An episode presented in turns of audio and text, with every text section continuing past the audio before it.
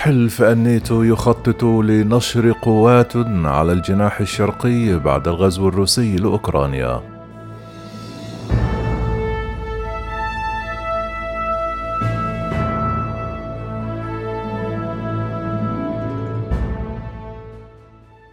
قال مسؤولون ودبلوماسيون أن حلف شمال الأطلسي من المقرر أن يطلب من قادته العسكريين يوم الأربعاء وضع خطط لطرق جديدة لردع روسيا في أعقاب غزو موسكو لأوكرانيا بما في ذلك زيادة القوات والدفاعات الصاروخية في شرق أوروبا.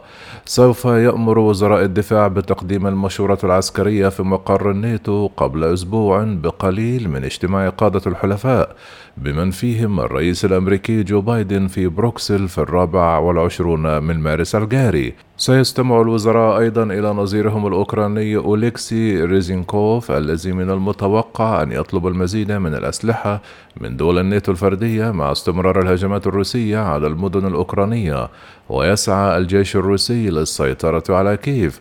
قال الأمين العام لحلف شمال الأطلسي يانس نولسبورغ يوم الثلاثاء نحن بحاجة إلى إعادة ضبط وضعنا العسكري من أجل هذا الوضع الجديد. كما صرح للصحفيين بأن الوزراء سيبدأون مناقشة مهمة حول إجراءات ملموسة لتعزيز أمن أوروبا على المدى الطويل في جميع المجالات. بينما قام ما لا يقل عن عشرة من أكبر حلفاء الناتو بما في ذلك الولايات المتحدة وبريطانيا وفرنسا بنشر المزيد من القوات والسفن والطائرات الحربية إلى الجانب الشرقي ووضع المزيد في حالة التأهب. لا يزال يتعين على الحلف التفكير في كيفية مواجهة الوضع الأمني الجديد في أوروبا على المدى المتوسط. وضع الرئيس الروسي فلاديمير بوتين القوات النووية الروسية في حالة تأهب يوم السابع والعشرون من فبراير المنصرم وضربت الصواريخ الروسية قاعدة أوكرانية بالقرب من الحدود مع بولندا العضو في الناتو في الثالث عشر من مارس مما جعل الغزو يصل إلى عتبة الناتو. قالت الولايات المتحدة الأمريكية أن تلك الصواريخ من روسيا مما يؤكد قدرة موسكو على ضرب حلفاء الناتو الشرقيين كما حذرت الولايات المتحدة من عواقب غير محددة لموسكو إذا شنت روسيا هجوما كيميائيا في أوكرانيا.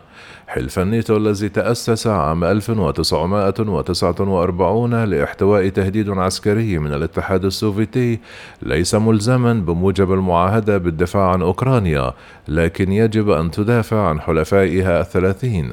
ومع ذلك يقول دبلوماسيون أن حلف شمال الأطلسي يريد تجنب التصريح المباشر لخططه أو ما قد يطلق تعهده بالدفاع الجماعي بموجب المادة الخامسة قائلين أن الغموض الاستراتيجي هو أيضا أداة دفاعية ضد أي عدوان روسي.